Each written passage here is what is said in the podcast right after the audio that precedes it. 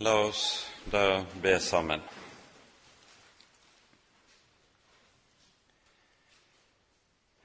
Kjære gode Herre og trofaste Far. Så takker og lover vi deg at vi skal forsamles om ditt ord, ditt dyrebare ord, på ny. Takk, Herre, at du har lovet selv å komme til oss igjennom Ordet, slik at når vi hører Ordet, så hører vi deg selv. Og Derfor ber vi også, Herre, at du vil sende din ånd i våre hjerter, at vi rett kan ta til oss ordet ditt, bøye oss for det, at ordet kan få gjøre sin gjerning i våre hjerter, den gjerning du hadde tenkt. Så takker vi, Herre, for evangeliet om Jesus, at i ham har du fullbyrdet en fullkommen frelse, som er nok til at vi både kan leve på den og i den, og dø på den og i den. Så lær oss, Herre, å regne med hva du har gjort, og hva du har gitt i din Sønn, og frels oss fra vår stadige trang til å regne med oss selv og vårt eget. Kom, Herre, du, med din ånd. Det ber vi for Jesus skyld.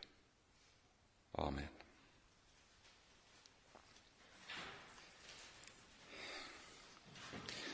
Sist gang rakk vi så vidt å se på de fire første versene i eh, kapittel åtte her i Romerbrevet. Jeg tenker at i dag leser vi avsnittet fra vers 1 til vers 17 for sammenhengen sin skyld. Forhåpentligvis klarer vi å nå såpass langt i kveld.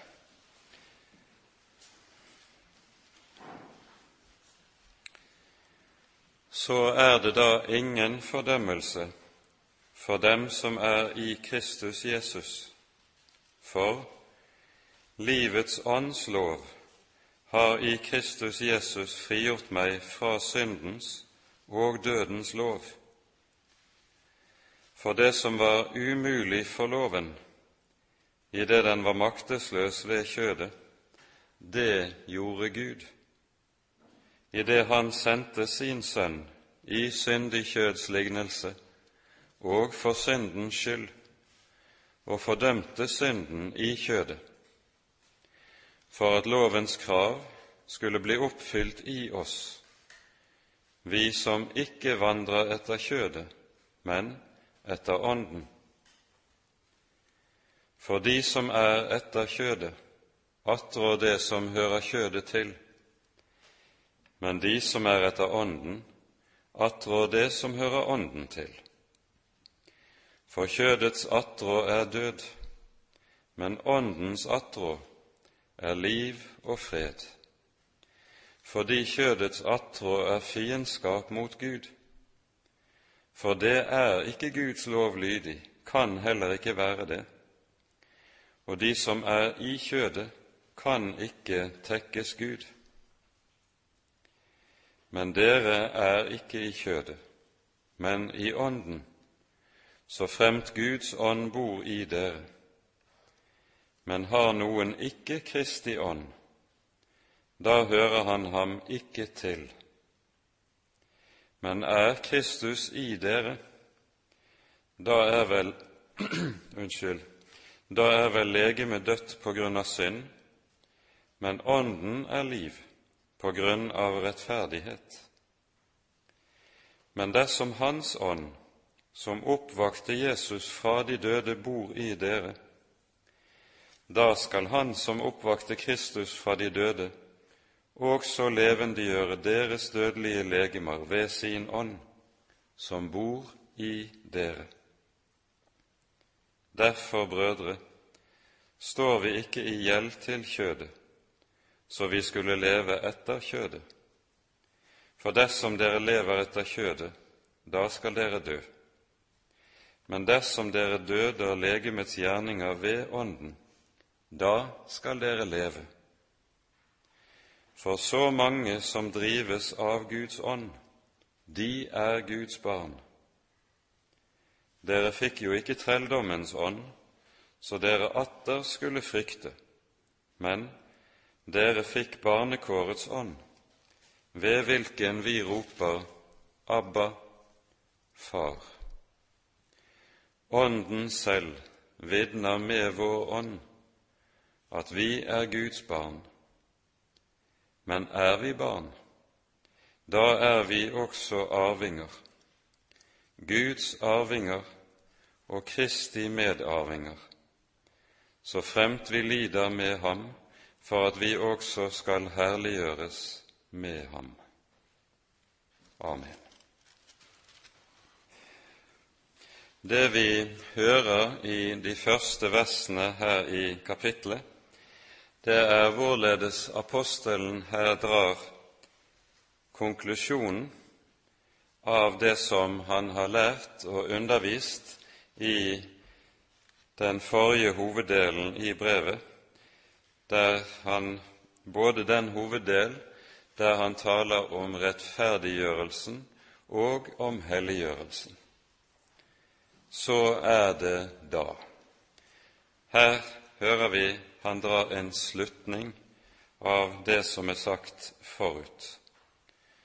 Og Denne slutningen bygger på det som vi hører i vers 2, begrunnelsen for livets ånds lov har i Kristus Jesus frigjort meg fra syndens og dødens lov. Og Vi pekte på her at med disse to uttrykkene vi møter i vers 2, så tenker apostelen på lov og evangelium.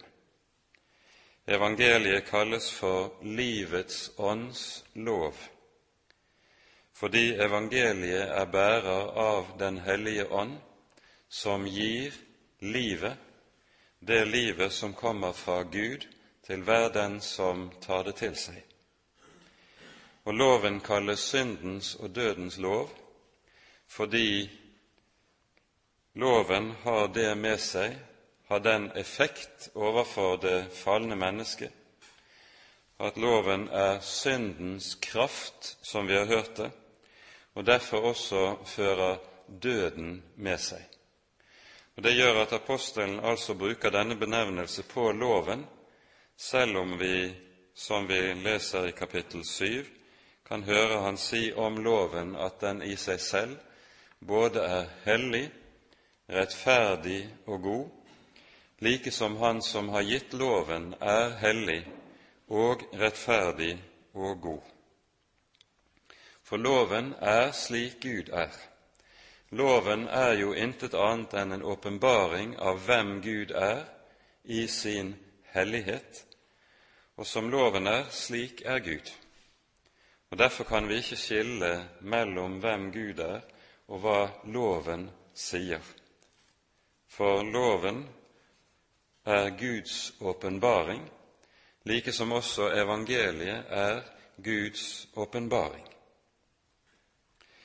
Dette uttrykket som vi møter her i vers 2 for evangeliet når det kalles livets ånds lov, er beslektet med et lignende uttrykk som vi møter i Jakobs brev.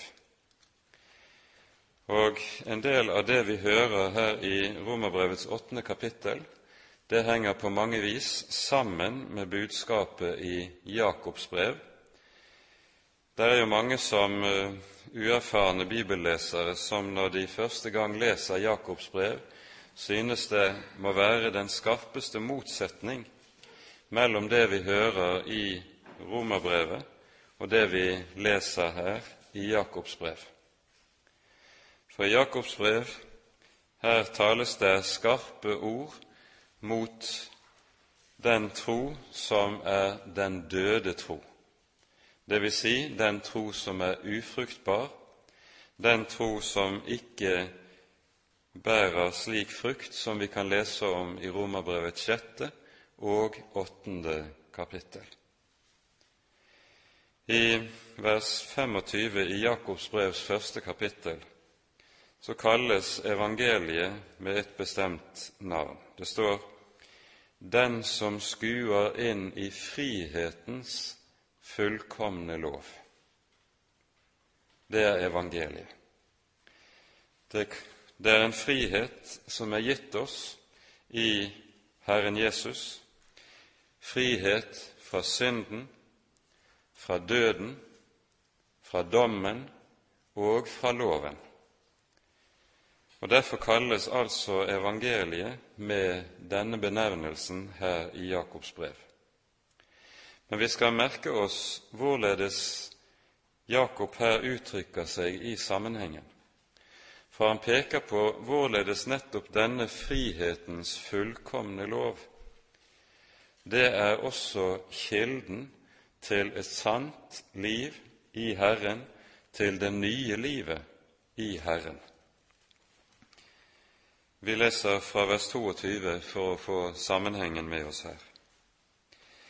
Men vær ordets hørere, ikke bare dets Unnskyld, vær ordets gjørere, ikke bare dets hørere, i det dere dårer dere selv. For dersom en er ordets hører og ikke dets gjører, da ligner han en mann som ser på sitt naturlige åsyn i et speil han så på seg selv og gikk bort og glemte straks hvordan han så ut. Men den som skuer inn i frihetens fullkomne lov og holder ved med det, så han ikke blir en glemsom hører, men gjerningenes gjører, han skal være salig i sin gjerning.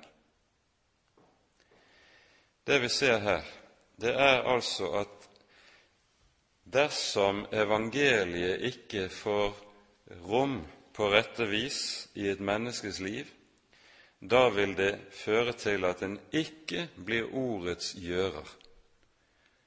Og det er et tegn på at en dypest sett har glemt. Glemt hva for noe? Glemt formaningene? Glemt budene? Glemt loven? Nei, nettopp glemt frihetens fullkomne lov glemt evangeliet. Altså der budskapet om Jesus ikke fører til at det bæres frukt i en kristens liv, der er det tegn på at selve evangeliet glemmes. For det er evangeliet og det alene som kan skape det nye livet, som kan skape frukten. Det skapes ikke ved loven, som Paulus nettopp har undervist så sterkt om i det vi har lest tidligere i Romerbrevet. Og Dermed så ser vi hvordan det er en nær forbindelse mellom Jakobs brev og budskapet der og det vi leser om helliggjørelsen i Romerbrevet. Og det kan være både godt og nyttig å være oppmerksom på det.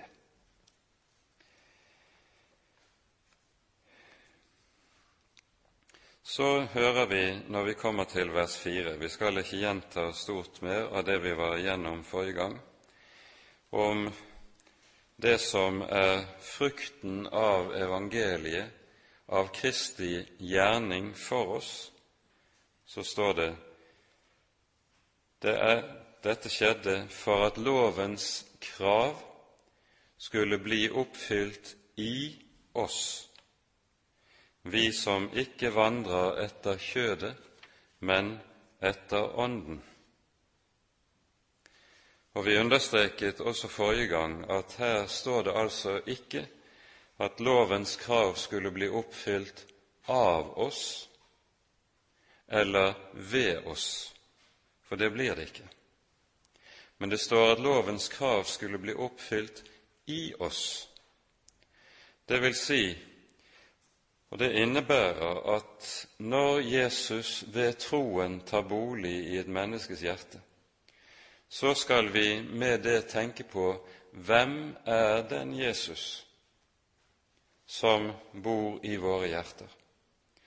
Jo, det er nettopp den Jesus som har oppfylt alle lovens krav, som er fullkommen etter Guds målestokk, som er syndfri. Og denne Jesus, han bor i våre hjerter, og han ønsker å utfolde sitt eget liv og sin egen rettferdighet i oss og igjennom oss. Og slik blir lovens krav oppfylt i oss. Vi skal for øvrig her også legge merke til at her brukes står ordet krav i entall. Det står ikke i flertall som om det var med tanke på de mange ulike bud, forbud og formaninger som vi finner i Guds hellige lov. Men det står i entall for å minne om det som er lovens store hovedsum. Du skal elske. Elske Herren din Gud av alt ditt hjerte, av all din sjel og av all din kraft, og du skal elske din neste som deg selv. Det er lovens krav i en hovedsum. Og så lærer evangeliet oss meget tydelig at dette også er Åndens første frukt. Vi minner om ordene i Galaterne 5, som vi skal komme tilbake til litt nærmere, Åndens frukt er kjærlighet, glede, fred osv.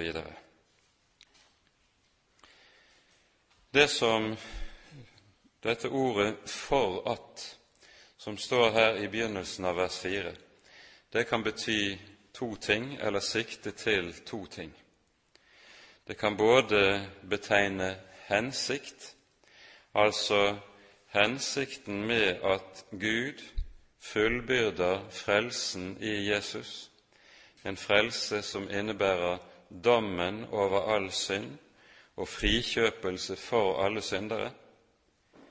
Denne hensikt var at lovens krav skulle bli oppfylt i oss.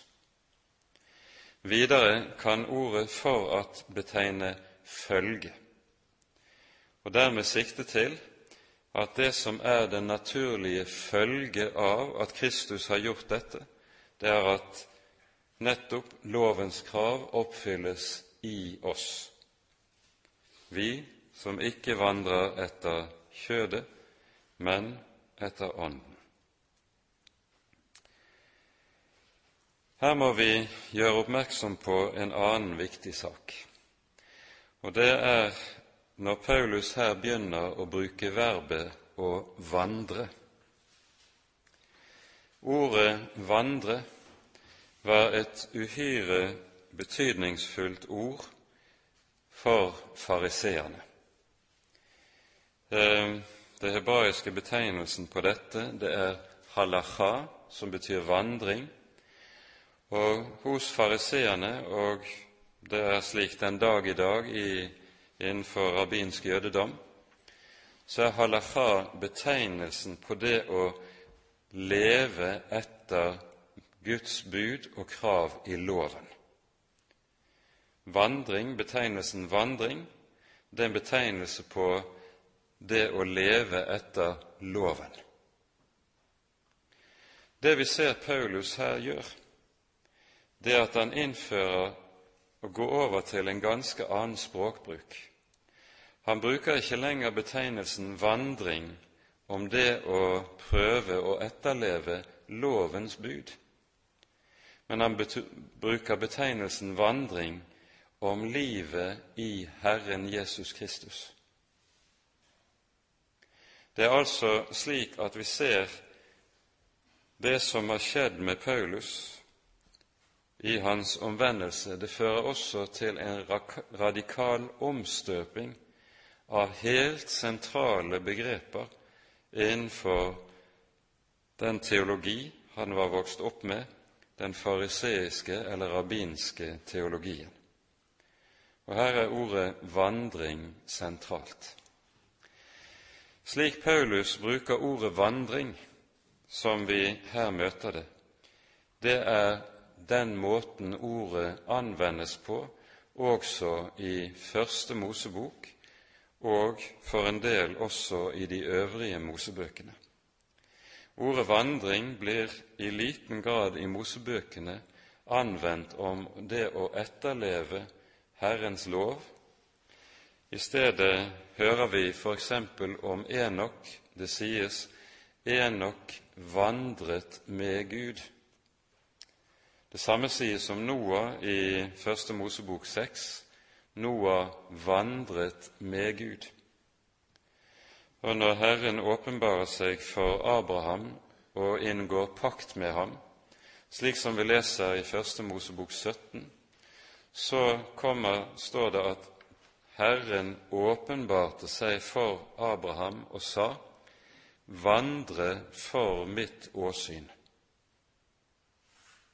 og vær ustraffelig.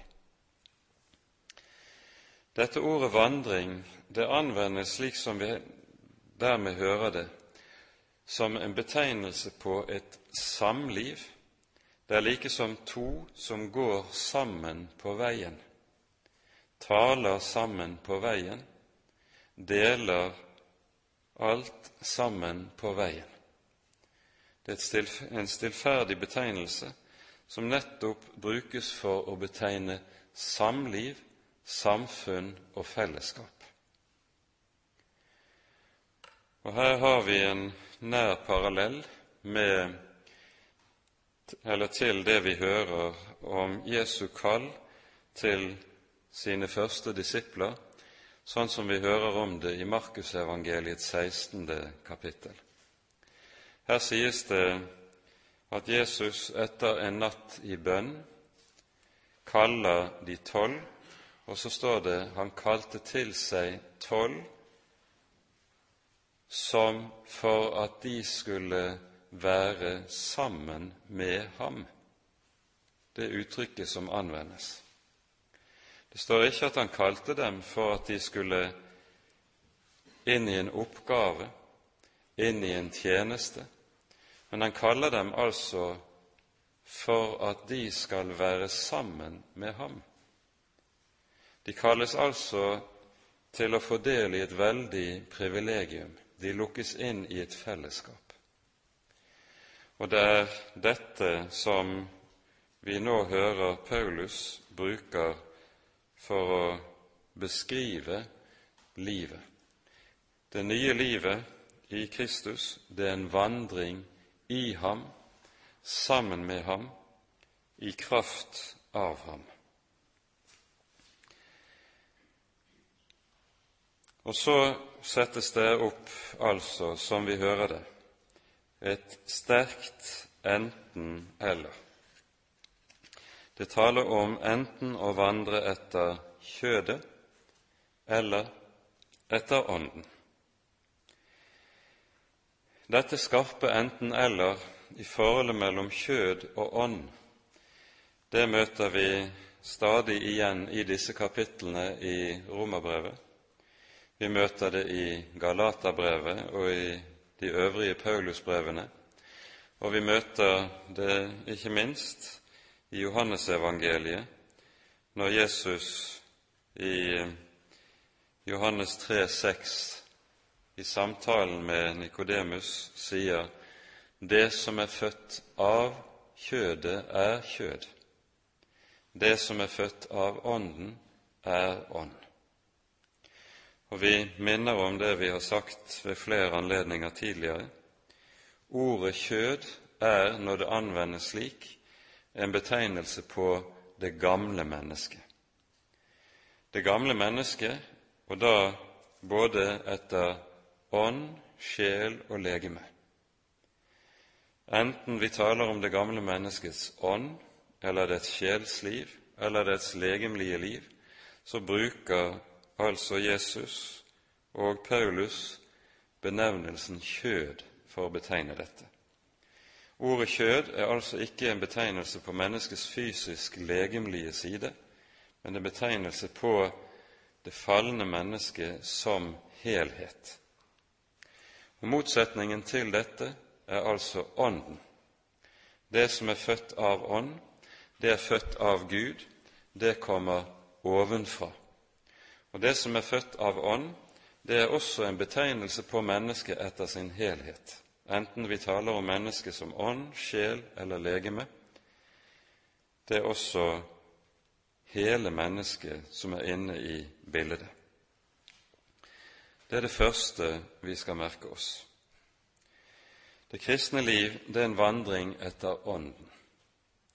Når Paulus bruker ordet Ånden, som vi hører det i, på denne måten her i Romane 8, så henger det sammen med det vi leser bl.a. i Romane 7, vers 6, som vi har vært inne i.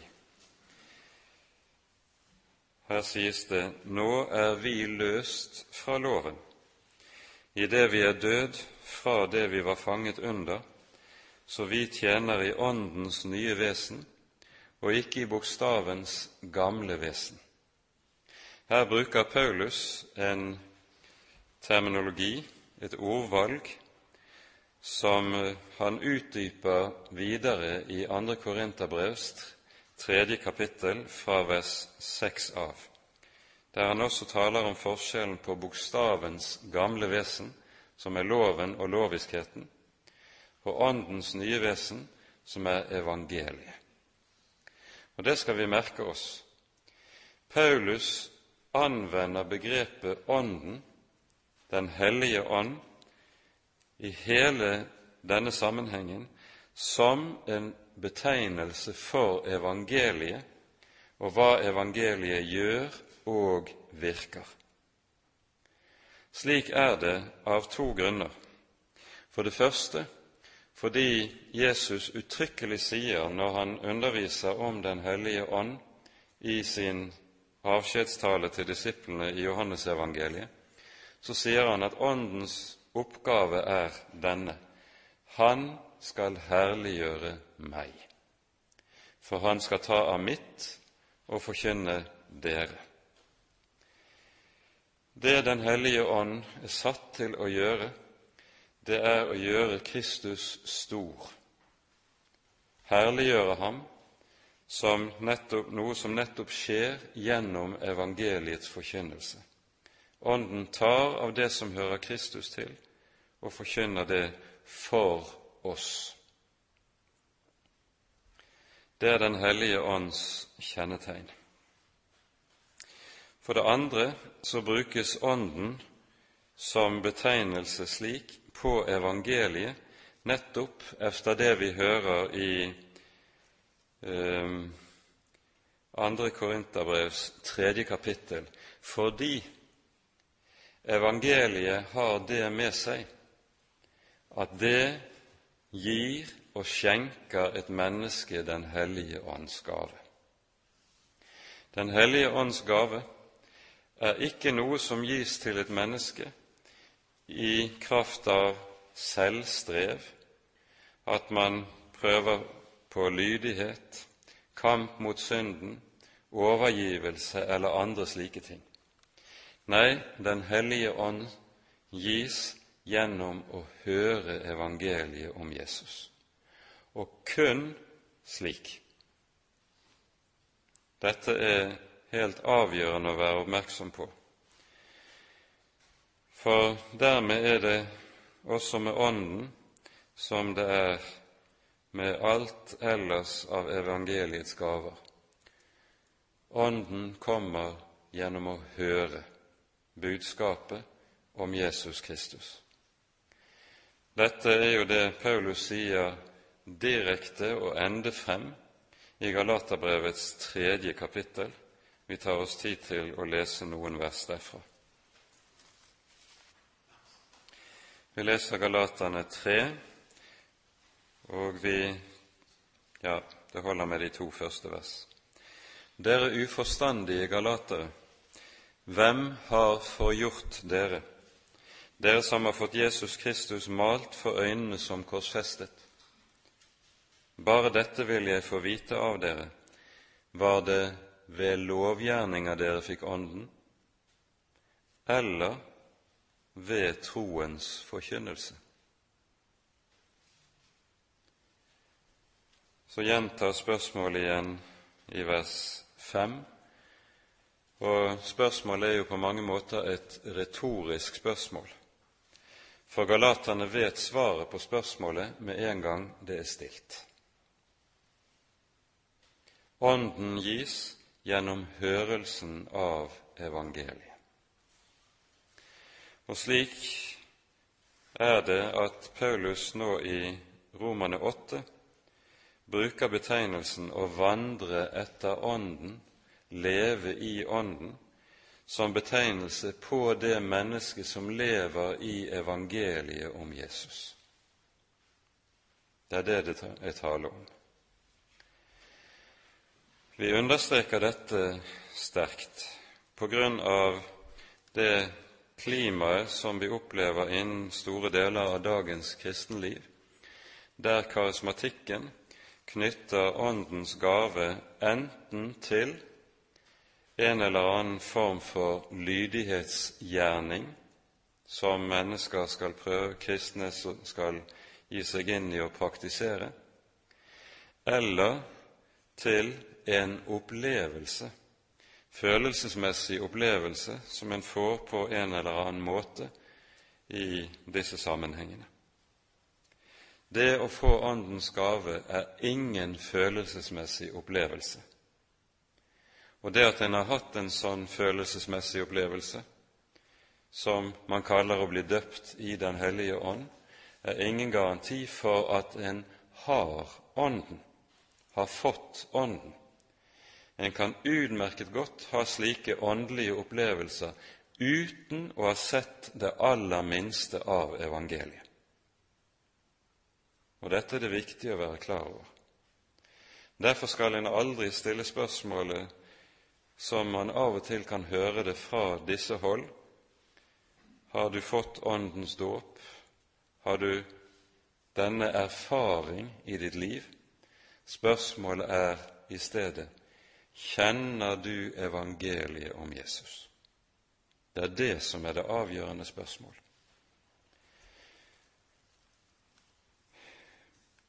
Videre skal vi merke oss når det gjelder dette som Paulus her sier, i vers 4, når han skjelner mellom å vandre etter kjødet og etter Ånden. Så må vi ikke forstå ordene 'å vandre etter kjødet' som om det med nødvendighet bare var en beskrivelse av et liv i grove ytre synder. Kjødet kan like godt anstille seg meget fromt. Det er jo det Paulus tar opp i Galaterbrevet, ikke minst. Han stiller jo i Galatane 3, i vers 3, spørsmålet til galaterne som følger. De har nemlig villet gi seg inn under loven igjen, i den tro at de nå kom til å bli videregående kristne. Og så spør Paulus, er dere så uforstandige?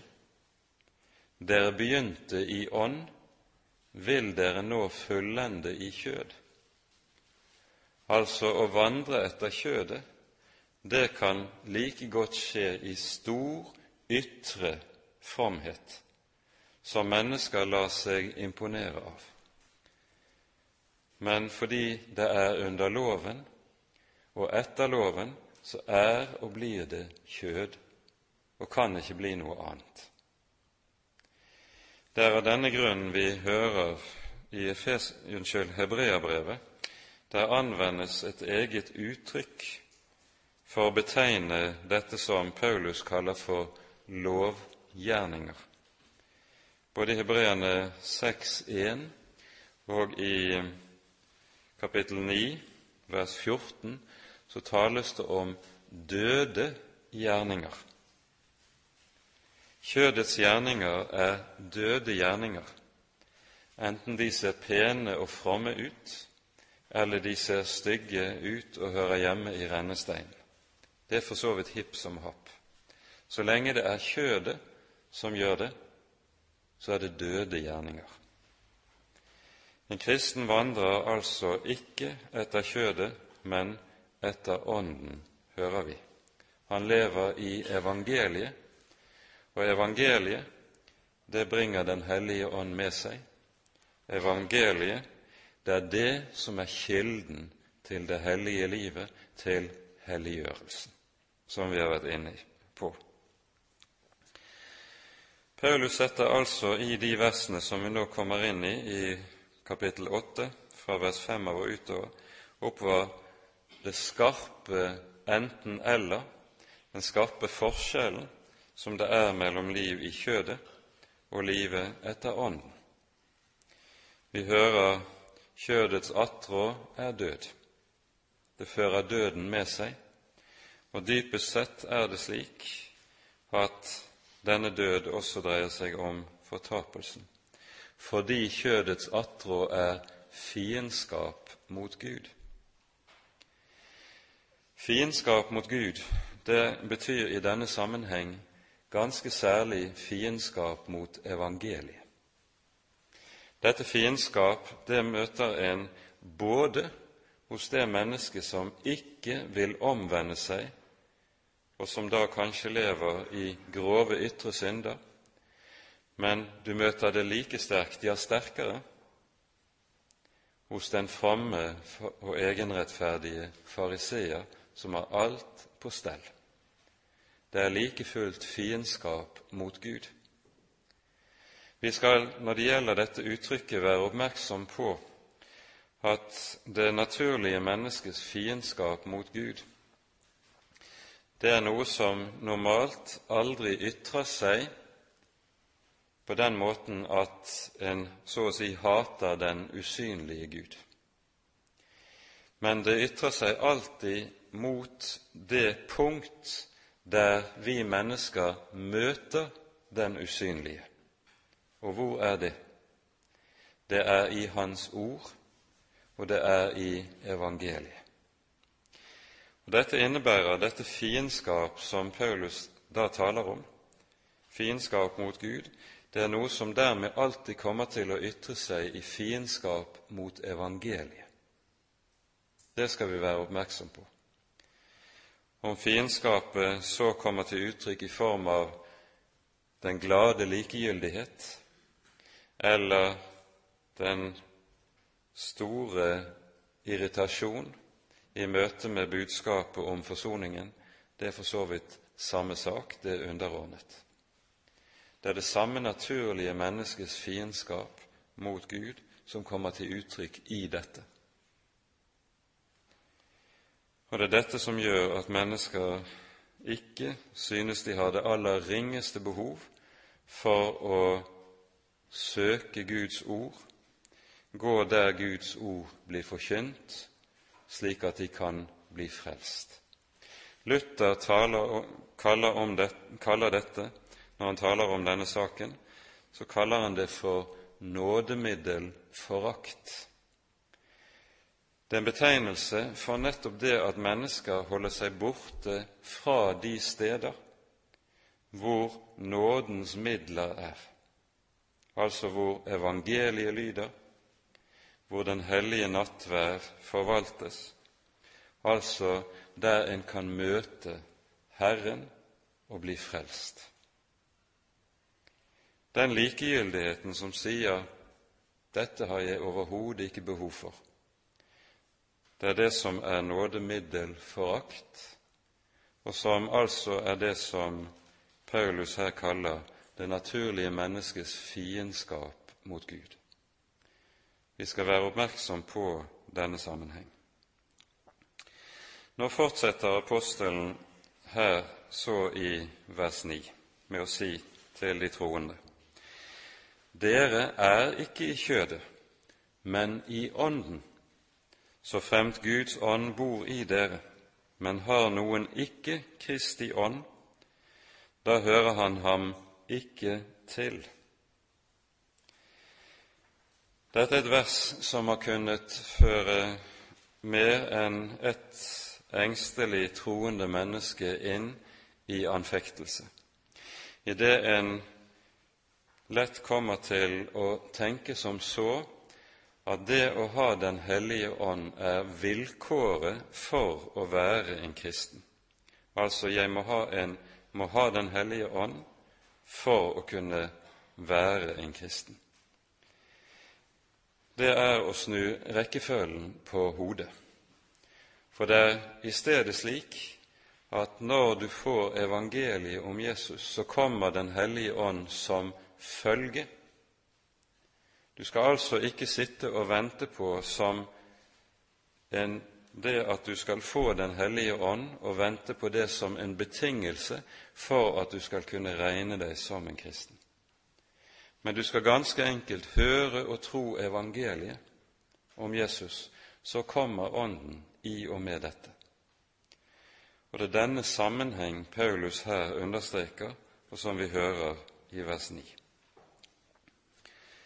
Og Så hører vi videre i vers 11 at det slik å eie Den hellige ånd, det bærer i seg løfte. Dersom Hans ånd som oppvakte Jesus fra de døde, bor i dere. Da skal Han som oppvakte Kristus fra de døde, også levendegjøre deres dødelige legemer ved sin ånd, som bor i dere. Dette understrekes i Efeserbrevets første kapittel på den måten at Paulus sier at Den hellige ånd blir gitt som et pant på arven som ligger foran.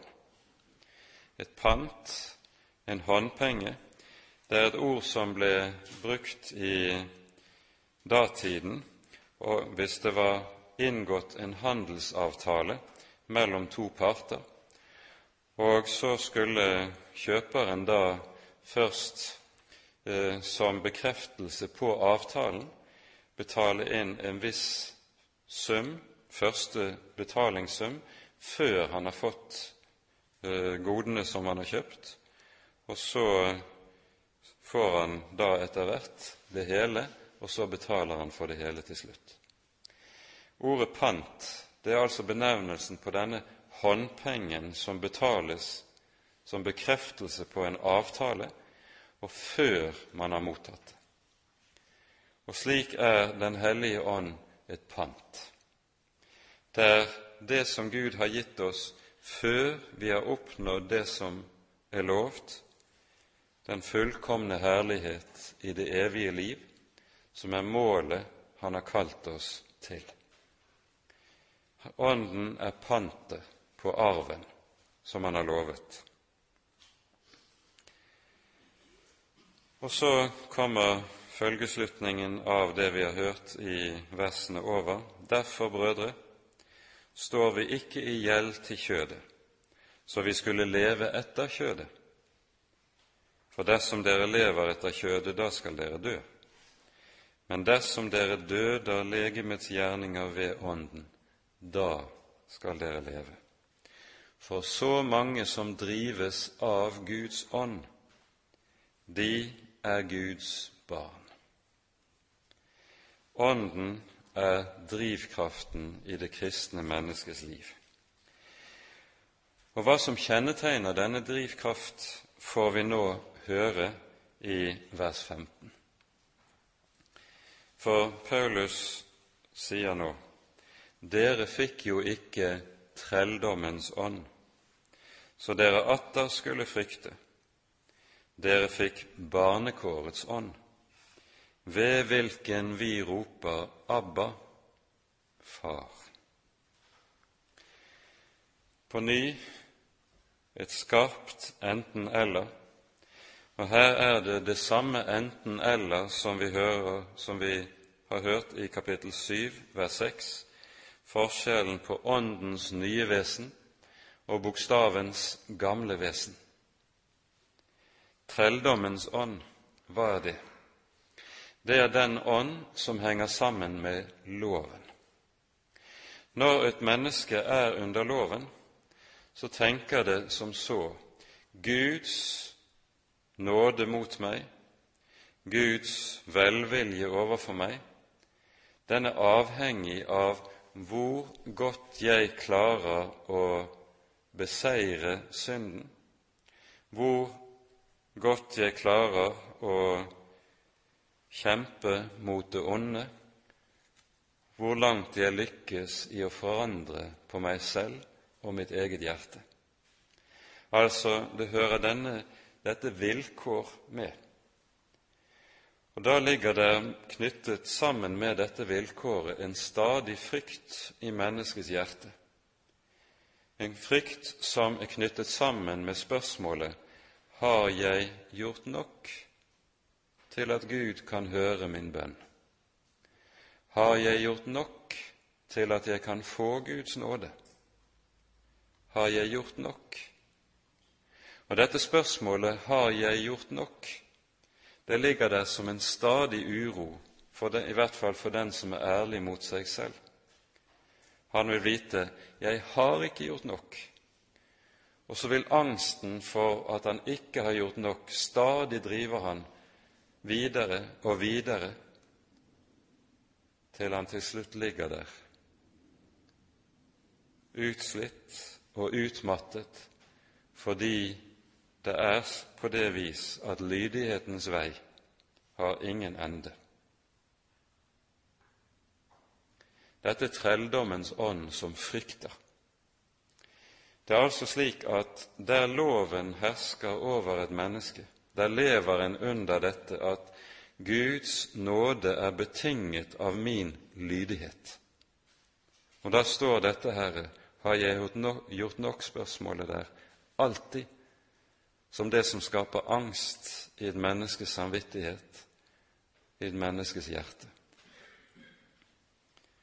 Barnekårets ånd, det er en annen ånd.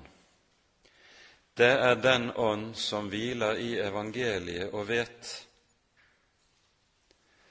at Jesus har oppfylt alle betingelser for at jeg skal få være en kristen. Jeg har ikke gjort nok, og jeg kommer aldri til å ha gjort nok. Men Jesus har gjort nok. Og så skal jeg få lov til å vite at jeg eier Guds nåde, jeg eier all bønnhørelse, jeg eier adgang til Gud med frimodighet og trygghet, ene og alene fordi Jesus har gjort nok.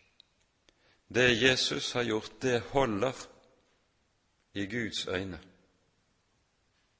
Det er barnekårets ånd. Fordi barnekårets ånd, den frykter ikke. Den har ikke dette stadige spørsmålet som driver som en pigg inn i samvittigheten og driver, stadig driver meg videre inn i utmattelsen. Barnekårets ånd hviler i at jeg er elsket for Jesus skyld. Jeg er Guds barn for Jesus skyld, ufullkommen som jeg er, fattig som jeg er, uren som jeg er, snublende som jeg er. Det Jesus har gjort, det er nok i Guds øyne. Han har fullbyrdet frelsen. Det er dette som er barnekårets ånd. Og der denne ånd får lov til å komme inn i hjertet, der senker en skuldrene. Der puster en ut. Der får samvittigheten hvile. Der får den fred. Barnekårets ånd er derfor den ånd som roper Abba, Far. Den dag i dag, om du er i Israel og treffer på småbarn som roper på far, så vil du høre dette ropet Abba. Den passende oversettelsen, den nøyaktige oversettelsen på ordet, er ikke Fader, som er jo et høytidelig ord, men det er pappa. Det er det lille barnets fortrolighet til sin kjære far, en far som det vet er glad i en, har omsorg for og alltid vil mitt beste. Det er dette barnekårets rop som følger ut av evangeliet, og som en kjennetegn på barnekåret. Dere fikk jo ikke trelldommens ånd, så dere atter skulle frykte. Dere fikk barnekårets ånd, ved hvilken vi roper Abba, Far. Forskjellen på lov og evangelium, det er forskjellen på strev og hvile. For der samvittigheten slik får hvile i barnekåret hos Jesus, derfor er en kristen på mange måter kommet inn til hvilen, Det er en forsmak på den hvilen som ligger foran. Det vi hører i Galaterbrevet parallelt til dette, må vi også ta med oss. Det er Galaterbrevets fjerde kapittel, der det står slik fra vers fire til seks.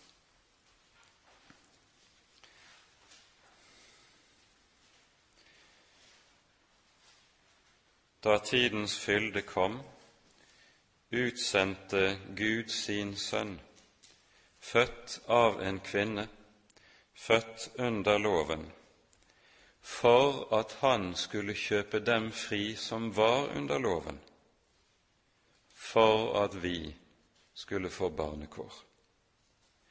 Og fordi dere er sønner, har Gud sendt sin Sønns ånd i våre hjerter, som roper Abba, Far. Denne teksten er episteltekst på nyttårsdagen, Jesu navnedag.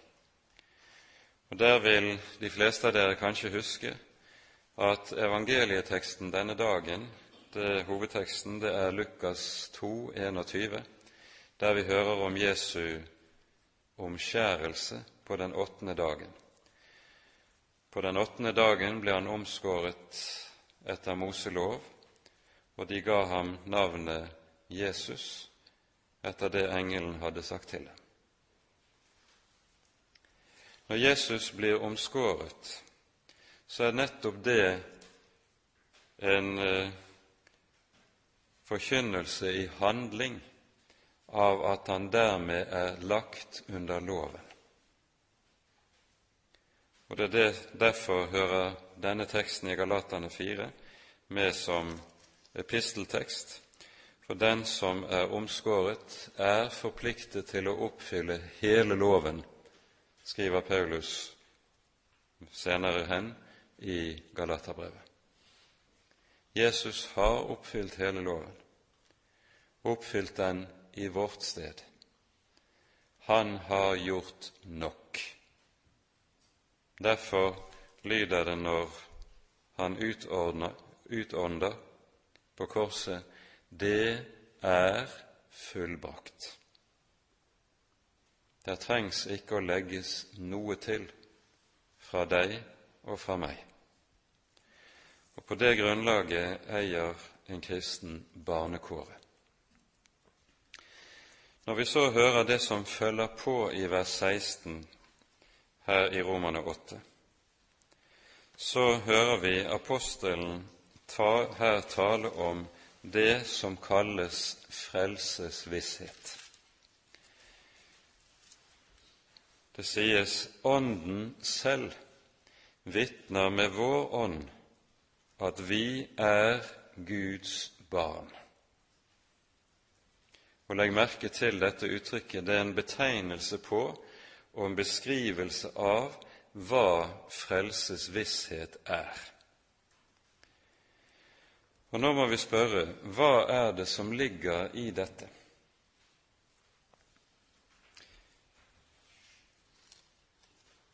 Det er tale om to vitnesbyrd.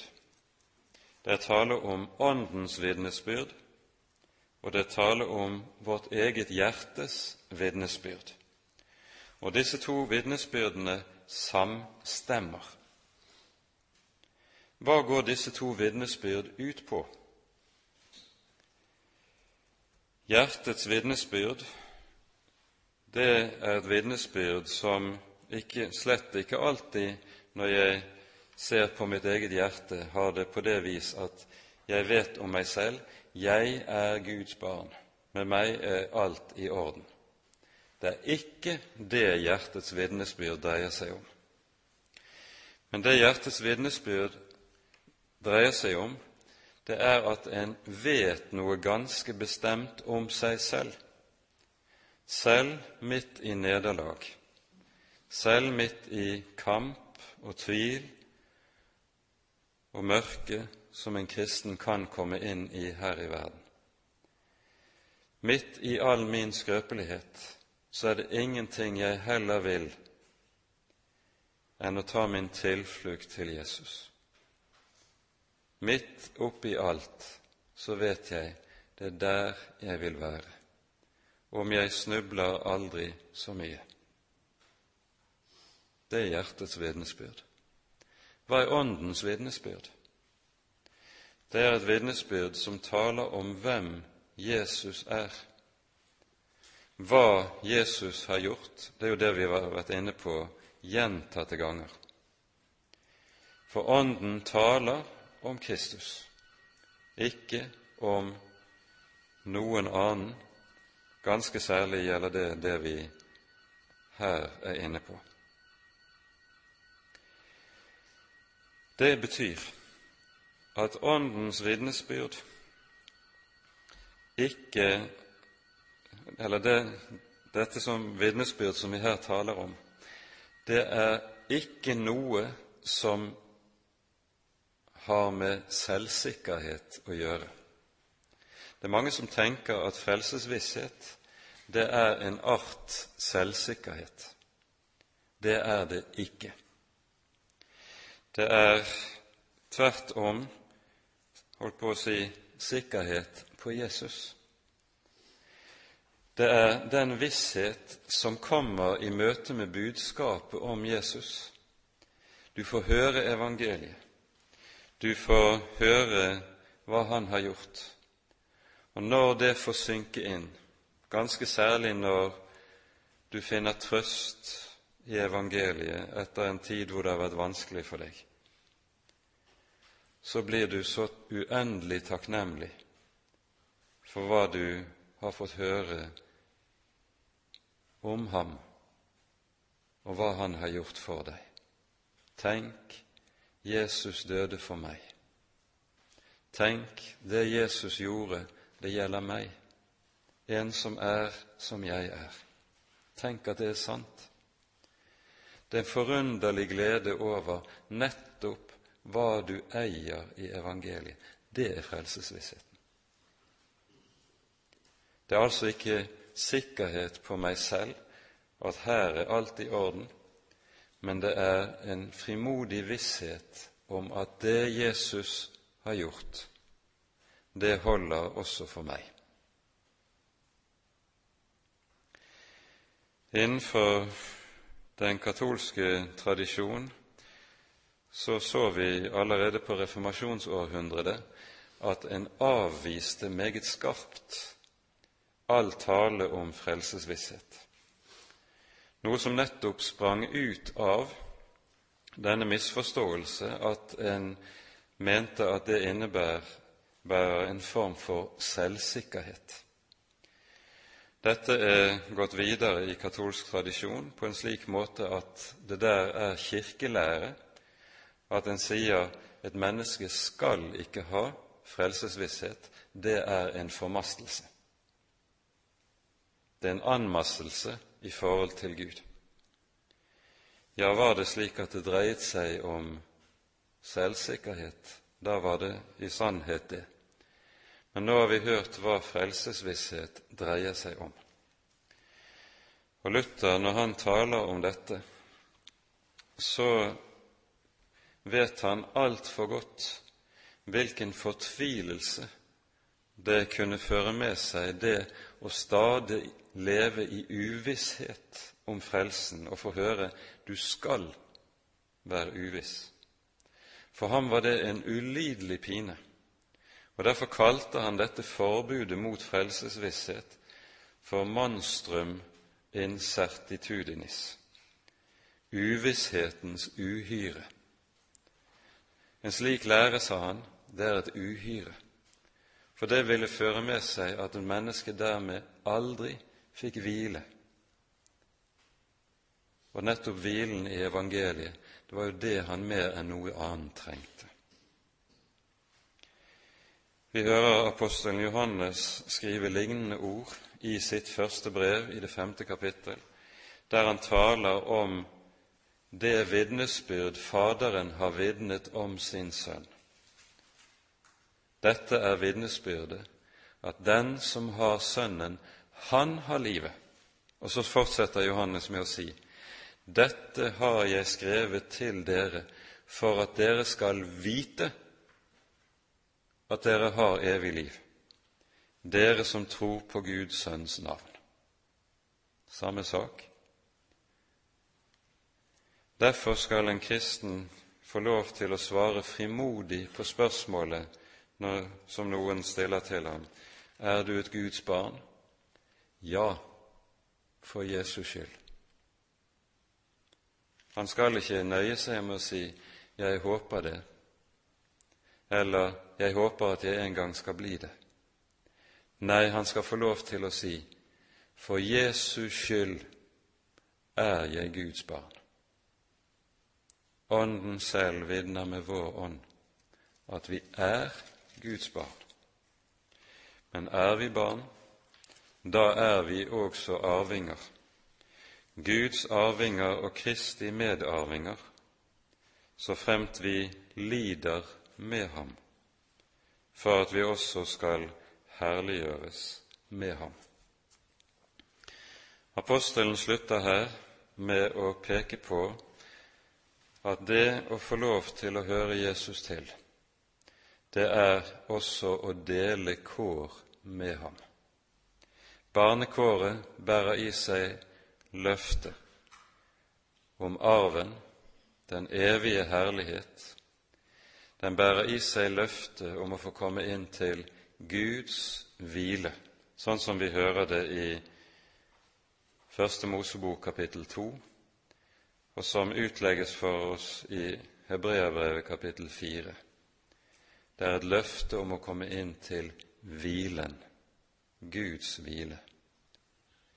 I det ligger der et forunderlig mysterium som vi ikke kan ane stort mer enn fliken av, men at vi skal få del i Hans hvile, som vigslet den evige sabbat med tanke på samfunnet med sitt folk. Og så deler vi kår med Jesus her i verden, noe som apostelen tar for seg i det neste avsnittet. Men det skal vi altså vente med å se nærmere på til neste gang. Ære være Faderen og Sønnen og Den hellige ånd, som var og er og være skal en sann Gud, høylovet i evighet. Amen.